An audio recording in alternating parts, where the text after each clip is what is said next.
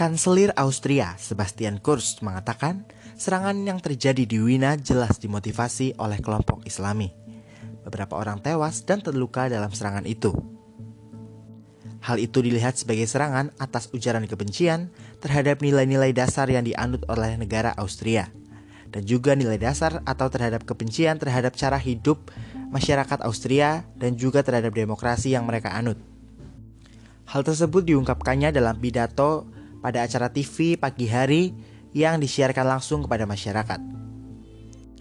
Serangan yang terjadi di ibu kota Austria itu dinilai sebagai serangan yang terburuk di negara itu selama beberapa dekade terakhir.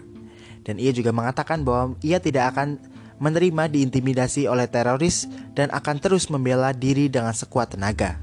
Menariknya, ia mengatakan bahwa ini bukanlah perselisihan antara Kristen dan Muslim, ataupun antara Austria dengan migran.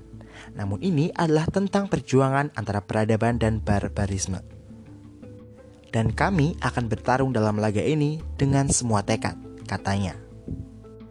Ia mengatakan bahwa pelaku adalah simpatisan ISIS. Menteri Dalam Negeri Nehammer sebelumnya juga mengatakan bahwa pengebom yang dibunuh oleh polisi adalah simpatisan milisi teroris negara Islam atau ISIS. Dia berumur 20 tahun dan memiliki akar dari Makedonia Utara.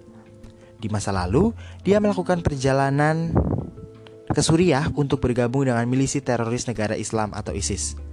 Kata menteri itu kepada kantor berita ABA. Dia dicegah melakukannya dan malah dijatuhi hukuman pada 25 April 2019 hingga 22 bulan penjara, 22 bulan penjara karena keanggotaan dalam kelompok teroris tersebut. Oleh karena itu, pada tanggal 5 Desember ia dibebaskan sebelum waktunya namun ia dibebaskan dengan bebas bersyarat karena dianggap sebagai orang dewasa muda dan dengan demikian masih berada di bawah hak istimewa Undang-Undang Pengadilan Anak.